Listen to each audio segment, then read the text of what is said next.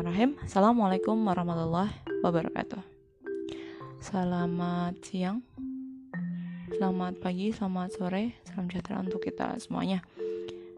Di kesempatan kali ini, saya akan membahas satu topik terkait tes untuk populasi khusus. Ya, populasi khusus ini yang menarik di sini. Kira-kira apa sih yang dimaksud dengan populasi khusus?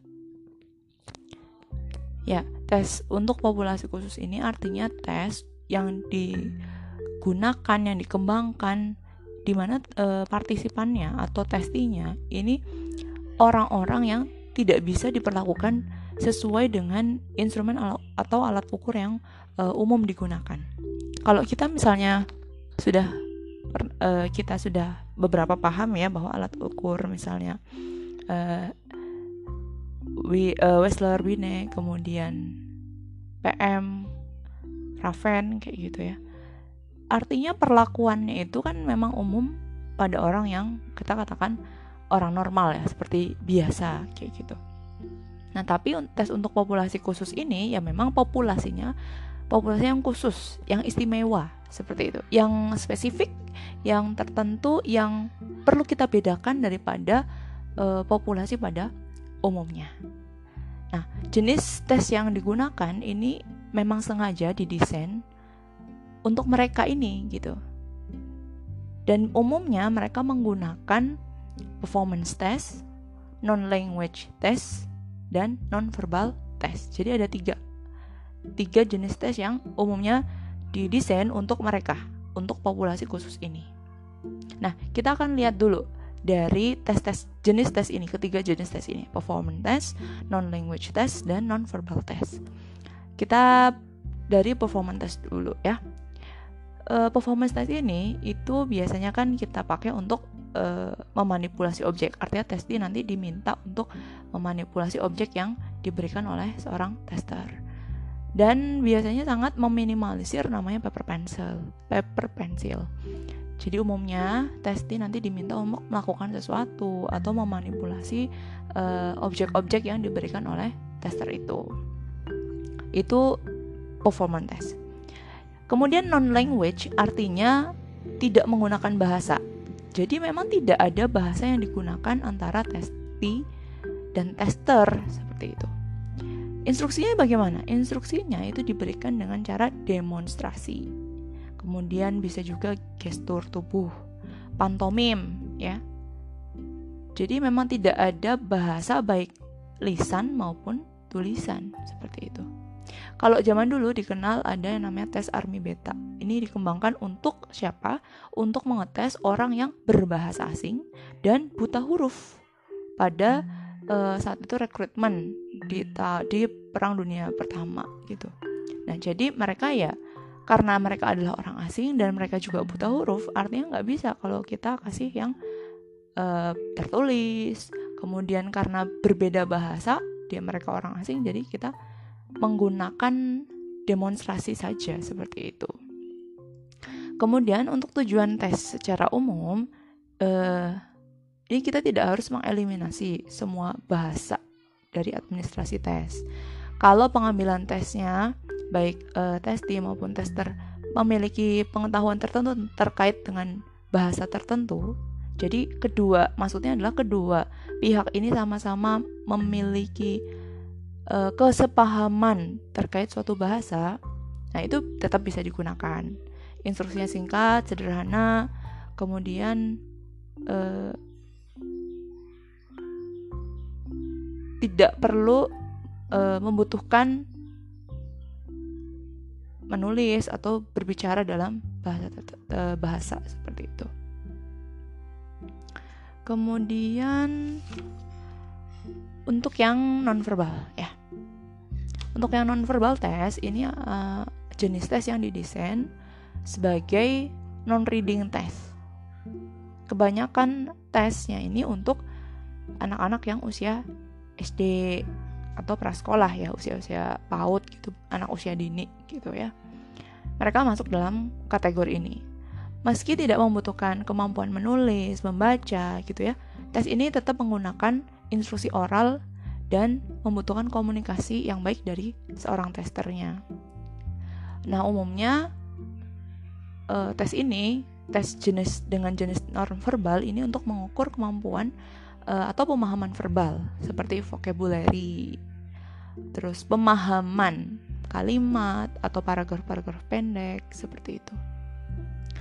Nah, yang non verbal test ini uh, agak berbeda ya dengan non language test uh, non language testnya.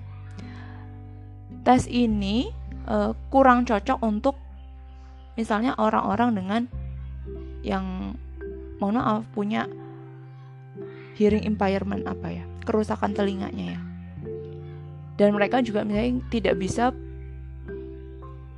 me membahasakan bahasa yang digunakan oleh testernya seperti itu. Jadi ini kurang cocok. Jadi kalau memang tadi kalau karena non language kan nggak sama sekali nggak ada bahasa yang dipakai. Jadi untuk orang yang misalnya buta huruf buta aksara kemudian orang asing itu bisa pakai non language. Kalau non ver non verbal dia tetap ada instruksi yang uh, oral ya dan membutuhkan komunikasi hanya saja memang tidak membutuhkan kemampuan menulis dan membaca di yang nonverbal ini seperti itu. Dengan adanya tes baterai, baterai tes atau rangkaian suatu tes gitu ya. Ketiga jenis tes ini yang performance test, nonverbal test dan non language test ini agak samar jadinya perbedaan-perbedaan itu sekarang di masa ini sudah agak samar. Nah, karena ada baterai tes juga eh, yang dilakukan dalam serangkaian tes yang dilakukan berbagai macam ya itu ketiga kategorinya ini jadi saling mengisi satu sama lain nah di populasi uh, populasi khusus ini dikelompokkan sesuai dengan prinsip penggunaannya jadi lebih ke siapa sih subjek Nah, siapa sih subjeknya? Siapa sih orang-orang yang disebut dengan populasi khusus ini? Nah, teman-teman bisa lihat di buku Anastasi dan Urbina ya. Di situ dijelaskan bahwa ada empat kategori yang disebut uh, dengan populasi khusus. Yang pertama uh, tes yang digunakan di mana subjeknya itu adalah bayi ya dan anak-anak prasekolah. Kemudian yang kedua tes-tes yang digunakan untuk uh, melihat apakah orang tersebut memiliki retardasi mental atau mentally retarded gitu ya. Jadi orang-orang yang punya kemampuan uh, intelijensi itu di bawah rata-rata. Nanti akan dijelaskan lebih jauh ya. Yang kedua tadi MR ya untuk orang-orang mentally retarded. Dan yang ketiga tes ini untuk uh, orang yang memiliki kita katakan disabilitas fisik ya memiliki perbedaan sensoris, moto, uh, motorik gitu ya. Jadi dia cenderung punya disabilitas fisik. Yang keempat terakhir adalah tes yang digunakan untuk uh, kepentingan maksudnya orang-orang yang memang memiliki budaya yang berbeda. Jadi ini lintas budaya, multi budaya, multikultural seperti itu. Oke. Okay. Kita akan bahas satu persatu dari yang uh, tes untuk bayi dan anak-anak prasekolah ya. Oke, okay, semua tes untuk kelompok bayi dan prasekolah ini butuh administrasi individual. Artinya satu orang tester dan satu orang testi. Itu saja. Itu yang uh, karena sangat sulit jika harus berkelompok. Pun kalau berkelompok, misalnya untuk anak-anak yang sudah masuk ke taman kanak-kanak gitu ya. Uh, untuk anak TK beberapa tuh bisa dites dalam kelompok tapi harus kecil misalnya uh, tiga orang, empat orang gitu ya. Dengan tipe tes yang dibuat seperti anak-anak SD. Nah, ada satu tes ya, uh, namanya Frostic. Tes Frostic ini untuk menilai kesiapan atau kematangan sekolah dari anak TK yang mau ke SD. Nah, ini juga bisa tes Frostic ini uh, umumnya individual tapi kalau mau dikelompokkan dalam kelompok-kelompok kecil bisa, tapi tidak banyak. Empat orang, lima orang itu pun disesuaikan dengan usia dari si anak kalau memang masih masih tiga tahun 4 tahun itu kelompoknya akan lebih kecil dibandingkan anak-anak yang sudah berusia 5 atau 6 tahun ya seperti itu secara umum tes kelompok ini tidak disarankan sampai anak yang berusia sekolah artinya maksudnya tes kelompoknya itu uh, diadakan disarankannya kalau anaknya itu memang sudah sampai di usia sekolah SD, SMP dan SMA seterusnya seperti itu. Jadi kurang dari SD disarankan menggunakan tes ad yang administrasi itu individual seperti itu. Kebanyakan tes untuk anak di bawah 6 tahun jenisnya masuk ke performance test dan oral test seperti itu ya kadang ada juga yang melibatkan sedikit paper pencil itu ada juga tapi tidak banyak nah nanti kita lihat bagaimana sih uh, nanti teman-teman maksudnya silahkan lihat kita tes yang termasuk dalam tes ini nih. Ada yang saya tahu tuh frosting dan WPPSI di mana itu memang di frosting sendiri itu ada paper pencil ya. Jadi anak pegang spidol pegang uh, pensil warna seperti itu nanti mereka harus melakukan sesuatu kepada uh, sebuah objek di kertas seperti itu. Itu menggunakan paper pencil kemudian kalau PPSI itu kan juga bisa ya untuk mengukur mengukur intelijensi anak. Kalau frosting tadi mengukur motorik. Nah, mengukur motorik kemampuan motorik anak. Motorik halus terutama sih gitu ya. Kemudian mengukur apakah ada potensi misalnya potensi membacanya ada kesulitan membaca atau tidak kesulitan dalam menulis atau tidak seperti itu. Itu bisa dilihat dari tes frosting nah kalau tes BPPSI ini mirip kayak Wessler, WIS, kemudian WISE gitu ya. Hanya ini diperuntukkan untuk anak-anak sehingga performance testnya memang cenderung lebih banyak kayak gitu. Sebenarnya sih sama ya tapi kalau dibandingkan dengan uh, WIS gitu ya WISC itu lebih menarik yang WPPSI ini seperti itu. Ada ya itu tadi lah.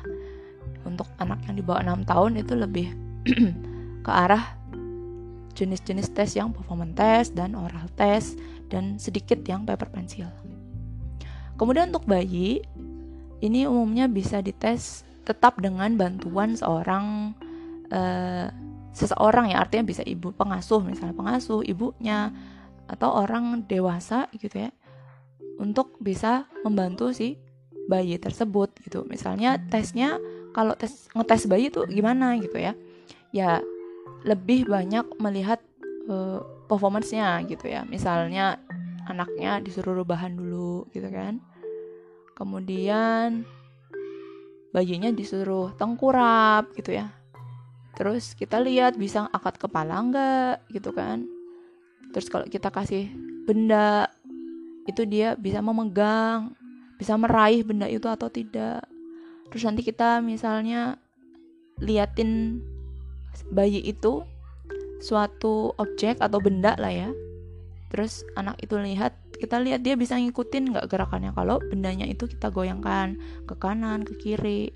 Ba mata dari bayi, mata dari si anak bayi itu ikut melihat juga atau tidak gitu. Jadi lebih banyak ke sensori motor. Karena memang sensori motor itu kan harus dilatih ya paling awal gitu. Indra pendengaran, penglihatan, kemudian gerak-gerakan, gerak-gerak kecil, tangan terutama itu memang sangat butuh dilatih untuk anak-anak yang usia bayi, infan ya sampai 2 tahun, sampai ya sebenarnya sampai lima tahun itu masih perlu terus diasah gitu.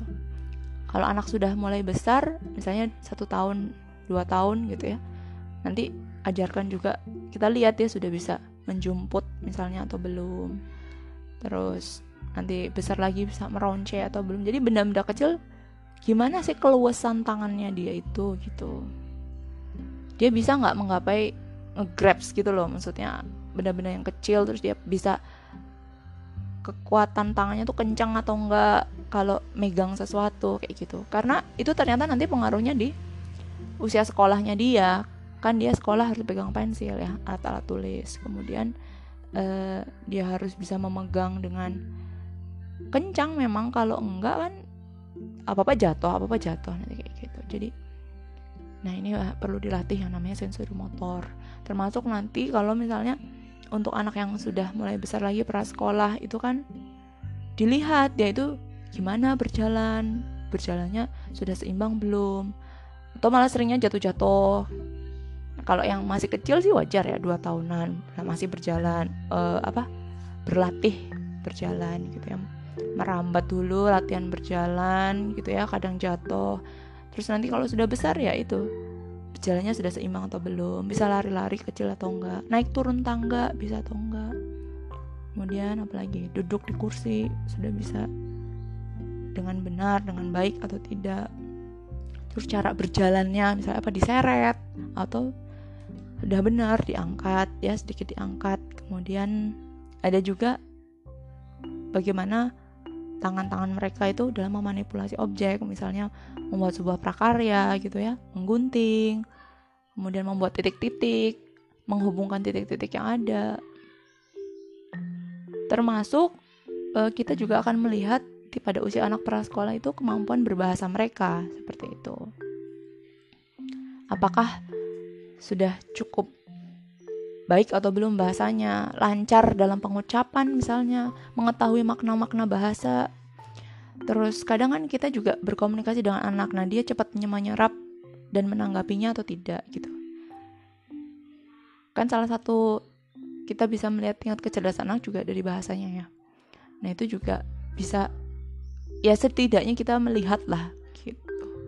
Meskipun setelah itu juga nggak bisa kalau kita oh dia ini nih anaknya superior atau anaknya itu rata-rata kayak gitu. Ya sebenarnya kita hanya menerka di awal tapi nanti kalau yang lebih akurat ya tadi bisa melalui tes-tes intelijensi gitu ya.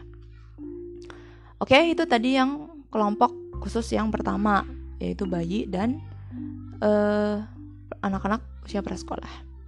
Kemudian yang kedua adalah orang-orang dengan mentally retarded atau MR ya.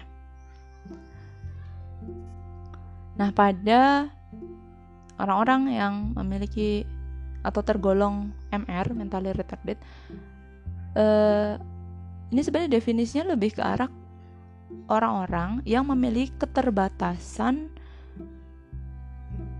substansi fungsinya. Artinya ya sebagai manusia tuh harusnya bisa apa sih? Intelektualnya jalan ya.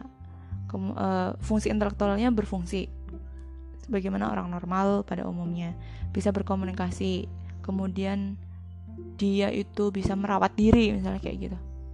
Nah ini orang-orang MR itu punya keterbatasan dalam fungsi-fungsi substansi ini seperti itu.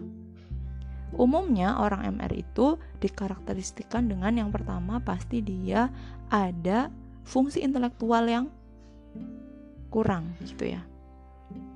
Dan diikuti juga oleh keterbatasan pada dua atau lebih kemampuan adaptif. Nah, kemampuan adaptif ini ada banyak ya. Komunikasi, kemampuan berkomunikasi ya. Terus self care, merawat diri. Kemudian home living tuh kayak ke rumah tanggaan gitu ya. Kemudian social skill. Terus kemampuan dalam mengarahkan diri gitu ya kemudian menjaga kesehatan dan keamanan diri, fungsi akademik gitu ya, kepemanfaatan waktu luang dan e, dalam pekerjaan gitu bisa bekerja atau tidak. Jadi selain intinya dari yang dilihat dari MR ini yaitu fungsi intelijensi, kemampuan adaptif. Tadi ya kemampuan adaptif sudah disebutkan. Kita lihat juga bagaimana e, emosionalnya dia kesehatan fisiknya dia. Dan bagaimana sih lingkungan yang ada di sekitar itu di sekitar mereka itu mendukung mereka gitu. Saya pernah punya kasus uh, seorang anak ya. Uh, umurnya 23 tahun waktu itu. Dia itu memang secara fungsi intelektualnya tidak berfungsi sebagaimana pada orang rata-rata gitu ya pada umumnya. Di bawah orang pada umumnya. Kemudian kemampuan adaptifnya juga kurang. Dia sudah bisa merawat diri cukup lah. Artinya dia bisa mandi ya. Bisa makan sendiri. Bisa membantu menyapu bahkan misalnya. Kadang dia juga bisa memasak dengan tentunya dengan bimbingan orang. Kemudian yang kurang itu adalah oh dia juga bisa bekerja gitu ya. Bekerja misalnya diminta tolong untuk melakukan eh, pekerjaan-pekerjaan uh, sederhana dia masih bisa seperti itu. Nah tapi yang dia nggak bisa itu yang nggak bisa adalah ketika dia harus berkomunikasi. Dia hanya dia hanya bisa jadi dia tidak bisa berkomunikasi. Dia hanya bisa mak mak mak kalau mau minta sesuatu ya bilangnya itu aja. Kalau mau menunjukkan sesuatu pak pak pak gitu. Terus gak ada kata-kata lain yang bisa dia keluarkan selain ma atau pa itu itu itu aja gitu. Secara fungsional akademik ya dia hanya bisa uh, tahu kalau misalnya benda ini satu benda ini dua. Pernah lah diajarkan seperti itu tapi ya toh juga dia tidak terlalu menggunakannya kan pada akhirnya. Untuk apa? Karena semua hampir semua hal itu dia dibantu oleh seorang pengasuh. Jadi memang harus ada yang menemani dia. Mau dia tidur mau dia makan mau dia pergi jalan-jalan mau dia mengisi waktu senggang pasti ada yang menemani 24 jam seperti itu. Emosionalnya terganggu ya dia suka marah-marah hampir misalnya uh, waktu itu saya menemui dia itu karena dia memang baru pindah asrama gitu ya asrama tempat dia diasuh gitu. Sehingga kemampuan adaptifnya juga uh, adaptasinya juga kurang. Hampir setiap malam dia teriak-teriak tanpa jela, tanpa kejelasan. Dan nggak bisa tidur baru tidur tuh sampai jam 3 pagi itu baru bisa tidur kayak gitu. Jadi uh, ya itu ya kemampuan emosinya eh sorry eh, ke emosinya kemampuan dalam mengendalikan diri itu belum bisa. Seperti orang yang normal pada umumnya. Di usia 23 tahun itu ya. Selain itu dia juga pernah misalnya uh, mungkin kalau kita kita ada rasa malu ketika kita suka sama seseorang kita ketemu sama seseorang mungkin bisa senang gitu ya. Nah, ekspresi dia ketika senang itu dia bisa sampai buka baju gitu. Meskipun itu ada banyak orang. Dia nggak malu ya. Itulah yang membedakan pasti ada hal berbeda orang-orang yang MR dengan yang normal.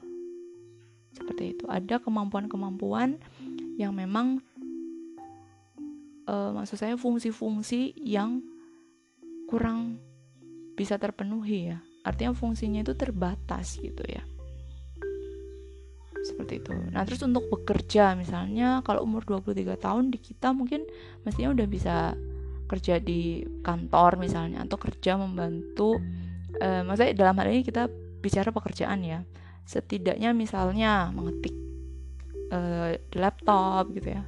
Mulai mulai bisa paham gimana sih harusnya melakukan analisis di dari data-data yang ada gitu ya. Nah dia belum kemampuan inter, uh, intelektualnya belum. Kemudian yang bisa dia lakukan ya meronce, menggulung kertas gitu ya. Terus menyapu. Ya pekerjaan-pekerjaan sederhana itu. Seperti itu ya. Nah, kalau MR sendiri memang ada tingkatannya. Yang tadi saya ceritakan itu memang MR yang jenisnya eh, termasuk yang berat ya. Meskipun ada lagi yang lebih berat, itu orang-orang yang hampir di setiap aktivitasnya itu harus ditemani oleh satu orang eh, pengasuh. Kalau dia itu masih satu pengasuh bisa tiga tiga orang lah, tiga orang MR. Artinya nggak semua hal tuh benar-benar dibantu. Tapi kalau yang berat, sangat berat itu ya hampir tidak bisa apa-apa gitu. Hanya duduk hanya duduk saja. Jadi semuanya itu pengasuhnya yang memberikan pelayanan seperti itu. Kalau yang ringan kalau yang ringan mungkin uh, gini dia masih bisa sekolah sebenarnya kalau yang ringan. Masuk masuk kelas seperti biasa. Makanya ada kadang tuh anak-anak yang inklusi masuk sekolah inklusi gitu ya. Karena kemampuannya itu ya masih masih bisa lah kayak gitu. Untuk diikutkan ke kelas yang umum atau reguler meskipun dia uh, punya keterbatasan itu gitu. Yang ringan itu masih bisa kalau dari sekolah. Terus lebih bisa lah untuk mengurus diri gitu ya. Kemampuan adaptifnya tuh lebih baik lah daripada yang sedang maupun berat gitu. Tingkatannya yaitu ringan sedang berat itu ada tingkat bertingkat tingkatannya. Itu juga ditentukannya dari gimana sih gitu e, penentuannya sebenarnya kita punya yang namanya kamus DSM lah ya. Itu ada tingkatan-tingkatannya yang masuk ke kategori ringan, sedang, berat itu seperti apa atau sangat berat itu seperti apa. Itu bergantung dari tes intelijensinya.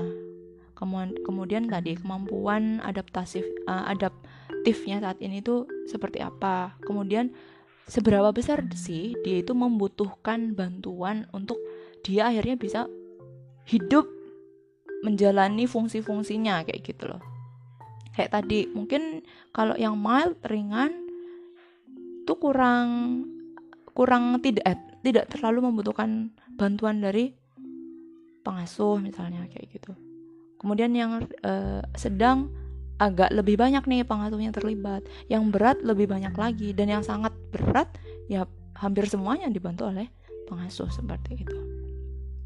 Gitu ya. Nah, kemudian alat untuk tes uh, untuk yang MR ini biasanya lebih cenderung melihat intelijensi dan kemampuan adaptif. Tes intelijensi yang biasa digunakan itu tes Binet. Itu tes bine ini memang cenderung karena banyak prakteknya ya hampir semuanya juga praktek uh, maksud saya performance yang verbal ada tapi tidak terlalu banyak nah biasanya yang dipakai ya yang performance ini gitu dari tes bine gitu kemudian untuk melihat perilaku adaptif kayak tadi dia tuh sudah bisa uh, komunikasi belum sih merawat diri belum sih jadi ada item-itemnya nanti kita tinggal mengobservasi orang tersebut Nah, terus kita checklist gitu. Dia udah bisa di eh dia sudah mana yang sudah bisa. Di setiap checklistnya itu ada eh, tingkatan umur. Ya, tingkatan umur itu ada. Jadi kita bisa detail gitu bisa tahu kalau untuk kemampuan umur misalnya 2 tahun sampai tiga tahun kayak gitu. Harusnya sudah bisa apa aja. Nah dia orang itu bisa atau tidak. Nanti sampai di umur uh, terus ya maksudnya dari dari awal dari awal uh, alat tesnya itu menganjurkannya di usia berapa yang dilihat dari usia berapa nah kita ikutin. Sampai nanti di mana dia paling bisa memenuhi semua kemampuannya itu di kelompok yang mana. Ini salah satu contoh dari tes namanya Finland Finland uh, adaptive adaptive behavior scale gitu. Intinya ada tester yang mengobservasi atau penguji ya yang mengobservasi. Fokusnya itu kita nilai apa yang menjadi habit apa yang menjadi uh, atau apa yang biasa dilakukan oleh orang tersebut gitu ya atau anak tersebut bukan apa yang bukan hanya apa yang bisa dilakukan tapi yang sudah menjadi habit atau kebiasaannya dia apa yang biasa yang sudah biasa dia lakukan seperti itu Selain Finland juga ada AAMR. AAMR ABS, Adaptive Behavior Scale seperti itu. Ini dua alat yang bisa digunakan untuk melihat perilaku adaptif dari orang yang MR. E, eh, yang ketiga adalah tes untuk orang dengan disabilitas fisik. Nah, tes untuk anak dengan disabilitas fisik ini penting ya untuk kita bisa menyediakan uh, apa sih pendidikan yang tepat untuk anak tersebut gitu. Jadi kita mengetes dia agar kita bisa tahu kebutuhan anak itu tuh apa, sejauh mana kemampuannya dan apa sih yang diperlukan gitu. Beberapa pendekatan uh, bisa membantu anak untuk mengatasi kekurangan pembelajaran yang berpengaruh nantinya dalam disabilitas perkembangan intelektual anak. Artinya gini, anak dengan disabilitas fisik berarti kan dia punya keterbatasan fisik. Nah, tujuan kita mengetes adalah untuk mengetahui sejauh mana kemampuan anak dan apa kebutuhan yang diperlukan anak. Agar apa sih? Tujuannya apa? Supaya nantinya anak itu dengan kondisinya saat ini ya, dengan disabilitas fisik yang dimiliki, dia tetap bisa berfungsi berkembang sebagaimana yang dia mampu optimal sebagaimana kemampuannya bukan malah memperbesar kesulitan dan kekurangan terkait dengan fungsi intelektualnya. Gitu ya. Tes pada disabilitas fisik ini menunjukkan uh, masalah khusus terkait administrasi tes. Jadi interpretasinya eh, dan dan administra maksud saya administrasinya itu gimana ya? Yang mestinya tepat, yang mestinya cocok untuk orang-orang dengan disabilitas fisik. Dan juga interpretasinya nantinya itu gimana nih interpretasi yang tepat terhadap uh, performa yang sudah ditunjukkan oleh testi dari orang yang memiliki disabilitas fisik ini seperti itu. Itu masalahnya gimana administrasinya dan gimana interpretasinya. Nah ada tiga kategori besar yang masuk dalam disabilitas fisik. Ada hearing, visual dan motor. Ya, kerusakan pada pendengaran, penglihatan dan juga motoriknya. nah, yang pertama dari yang memiliki kerusakan pendengaran. Ini bisa dibantu uh, dengan verbal test. Meski konten verbal itu itu dipresentasikan uh, dalam bentuk visual karena kan dia nggak bisa mendengar jadi kita tidak bisa mengeluarkan suara, ya nggak?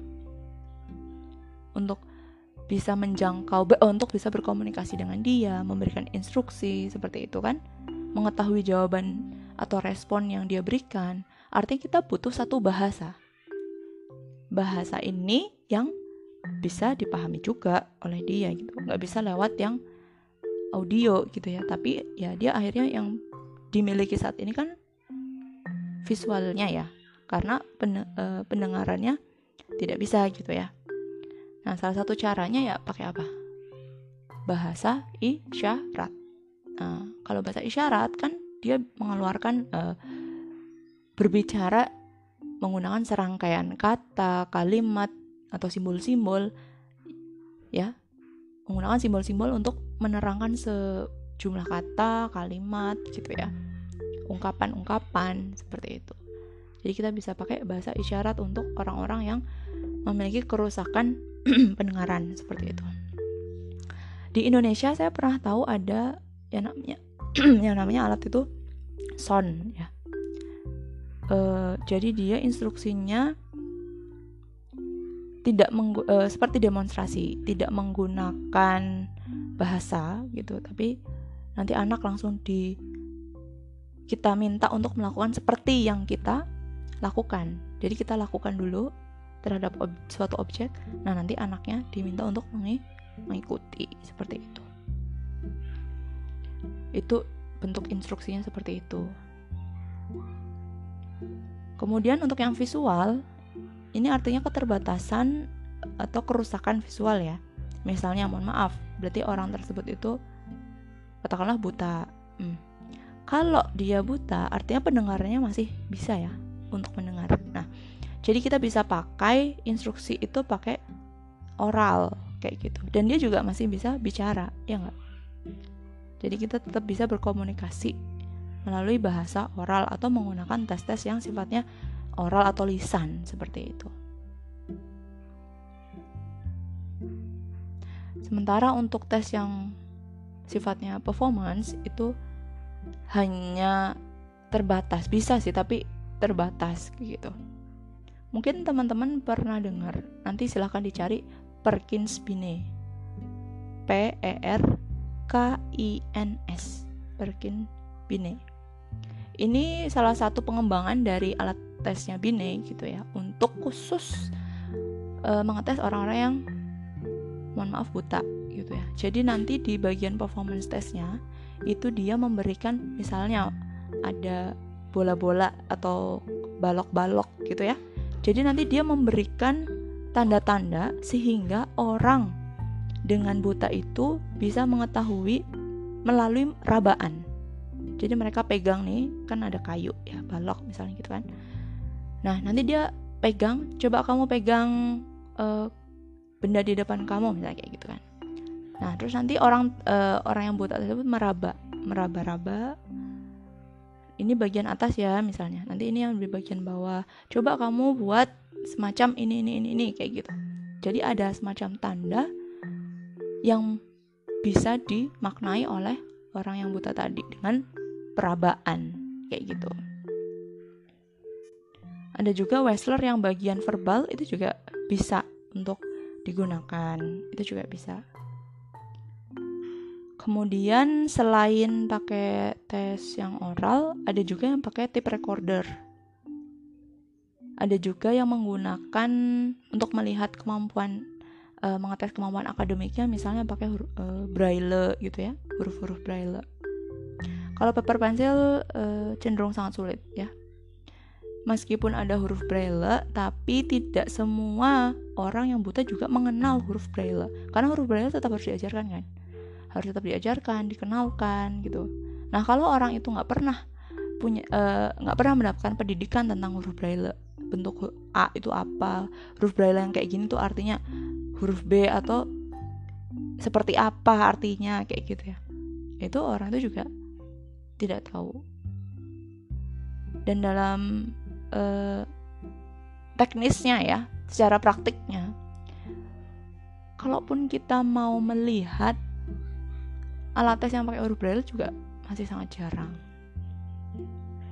Ya. Kebanyakan kebanyakan juga uh, menggunakan huruf braille itu ya ada keterbatasannya juga ya. Ada yang lama lebih lama lah pasti dari membaca biasa. Terus kalau nulis gimana? Kalau di akhirnya paper pencil? Kan juga nggak bisa karena huruf braille itu kan bisa dicetak dia harus timbul gitu loh misalnya ada kertas kemudian dibikin timbul nanti dia meraba ya kan oh ini bentuknya ini bacanya ini kayak gitu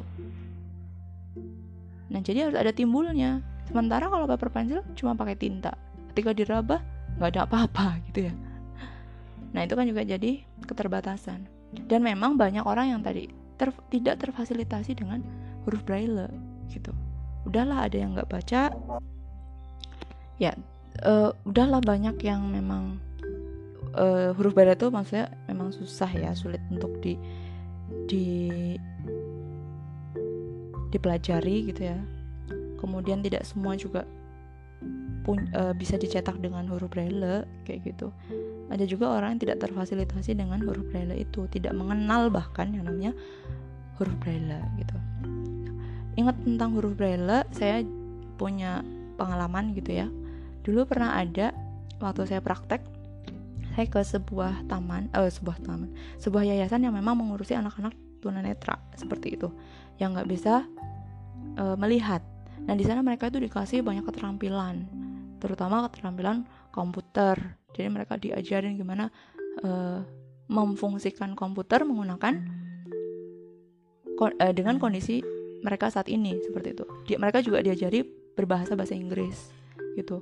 Kemudian ada satu project yang uh, ditawarkan gitu ya untuk orang-orang yang punya kemampuan misalnya ada buku nih. Nah, kemudian tolong buku yang hardbook itu yang buku kopi uh, maksudnya buku cetak diubah ke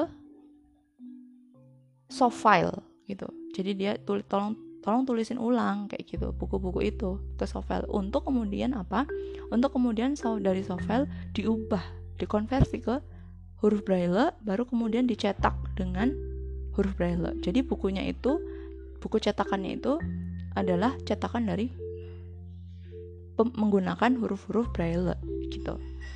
Nah, itu sangat menarik sebenarnya. Kalau teman-teman di sini punya kepedulian gitu ya, mungkin dan tertarik gitu dengan yang namanya anak berkebutuhan khusus. Misalnya terutama fokus di yang tunanetra itu bisa banget untuk jadi project kemudian mulai mendalami itu gitu karena setahu saya juga tetap ada sih yayasan-yayasan orang-orang yang mengurusi orang-orang berkebutuhan khusus itu ya pasti ada banyak hal lah yang sebenarnya kita bisa bantu untuk mereka gitu karena mereka juga saudara-saudara kita gitu mereka juga hidup bersama kita jadi alangkah baiknya kalau kita setidaknya pernah lah berkenalan bersentuhan kepada mereka bahkan mungkin membantu apa yang mereka butuhkan seperti itu ya oke yang ketiga kerusakan pada motor atau motorik.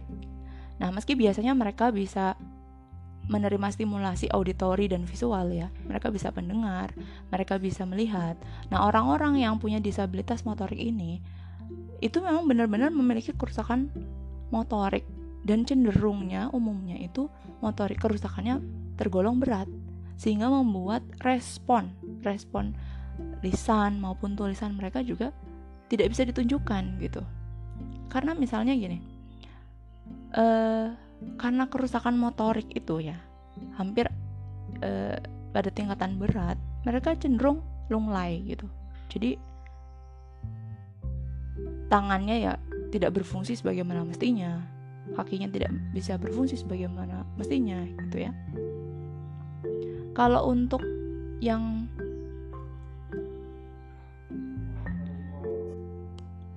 beberapa disabilitas motor motorik ini uh, yang termasuk dalam kategori berat itu bisa kita temui contohnya seperti pada orang dengan cerebral palsy. Ini juga salah satu anak dengan berkebutuhan khusus.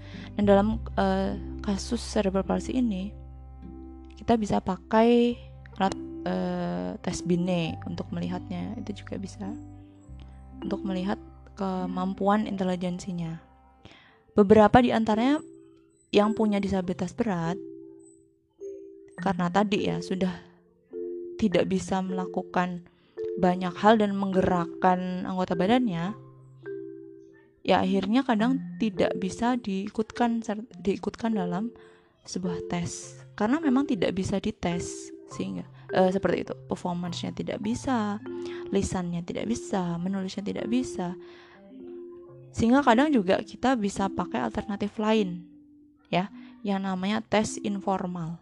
Tes informal ini tes yang tidak terstandarisasi gitu ya, yang dibuat e, sesuai dengan kapasitas respon yang mampu diberikan oleh testi. Tentunya sesuai dengan tujuan yang ingin dilihat dari seorang tester itu. Dia mau lihat apanya sih?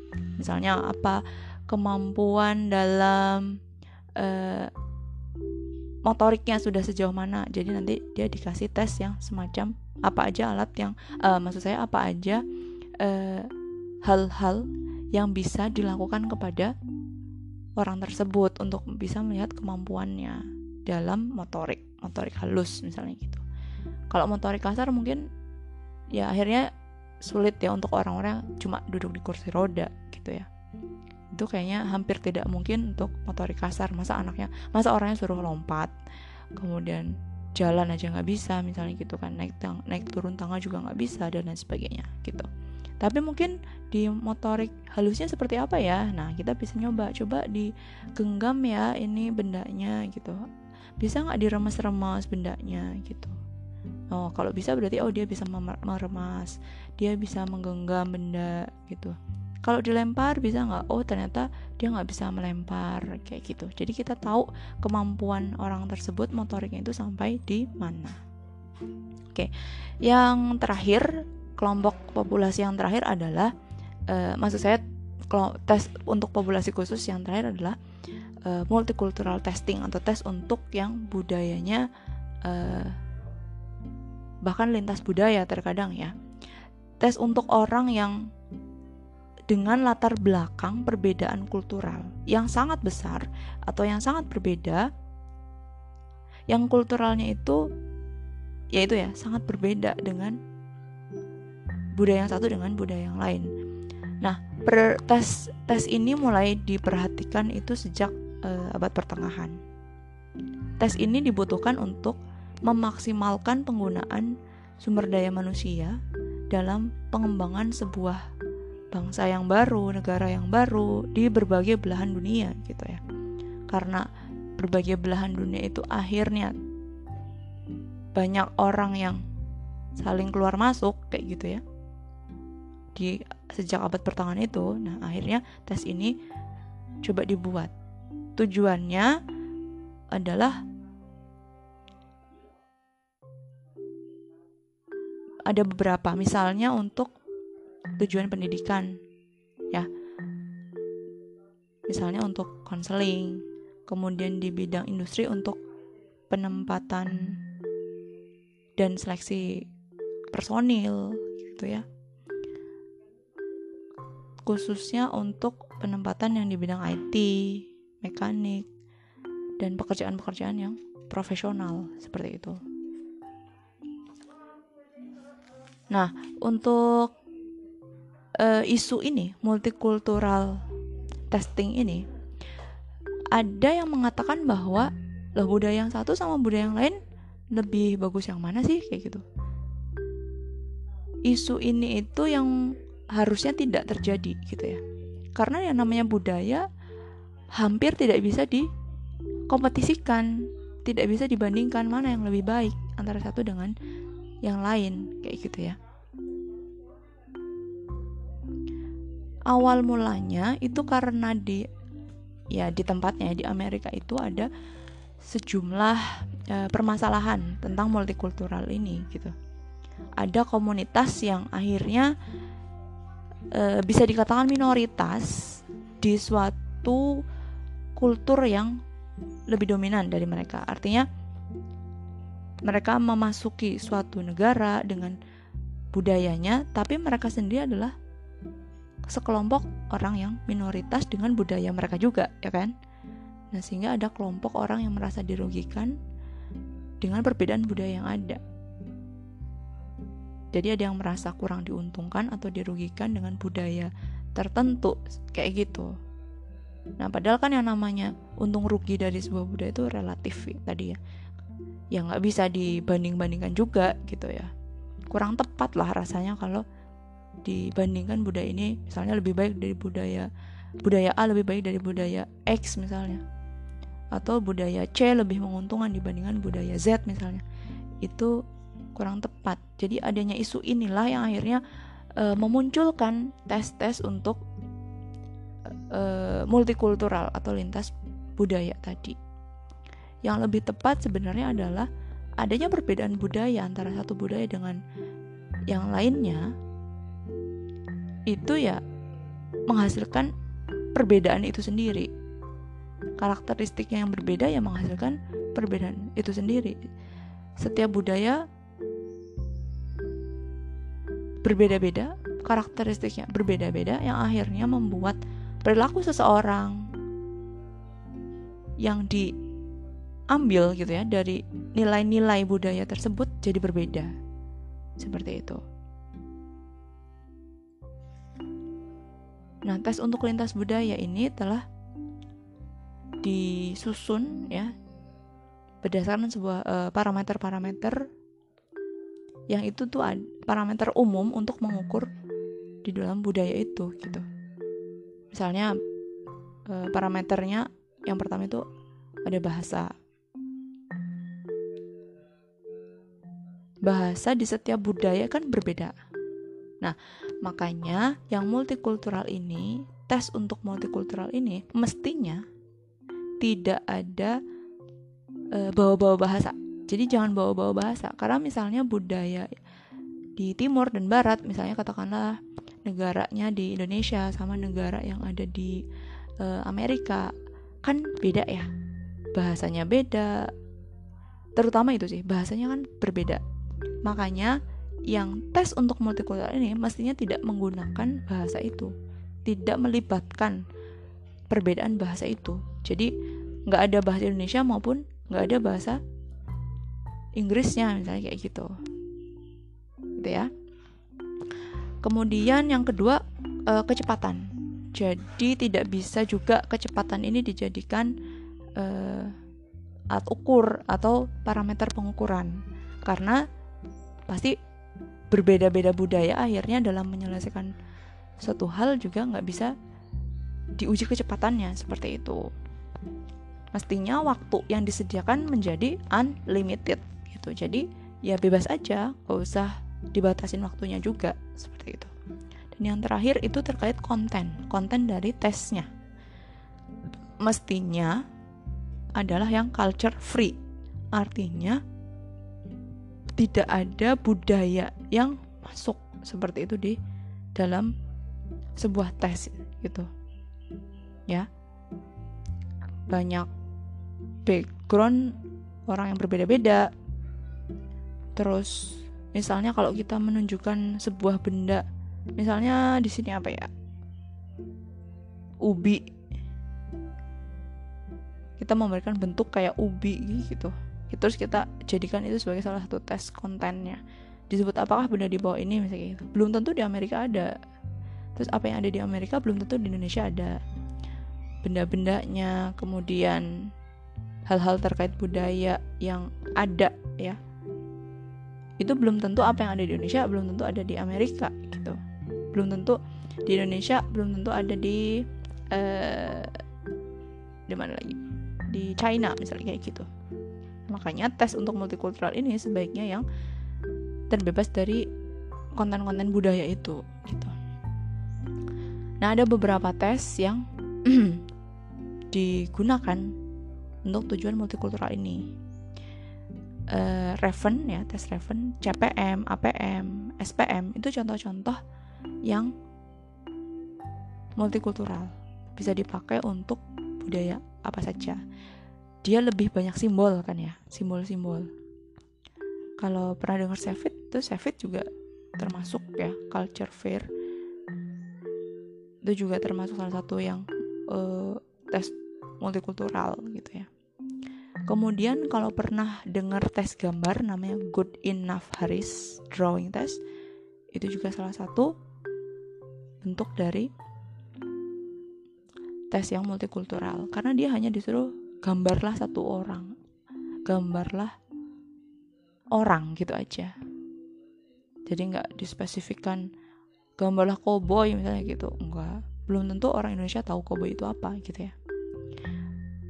Gitu Kemudian pengembangan dari good enough ini adalah uh, eh, DAP, drawing a person, ya. Menggambar sebuah orang nanti baru ada poin-poinnya di setiap gambar itu. CPM, APM, SPM juga ada batas-batas persentilnya seperti itu, ya. Oke, saya kira cukup materinya sampai di sini. Silahkan jika ada yang mau ditanyakan di kolom komentar ya. Kalau masih kurang jelas juga, silahkan teman-teman juga saya minta dibantu untuk memahaminya melalui buku Anastasi dan Urbina itu bisa dibaca. Oke, demikian. Semoga bermanfaat. Assalamualaikum warahmatullahi wabarakatuh.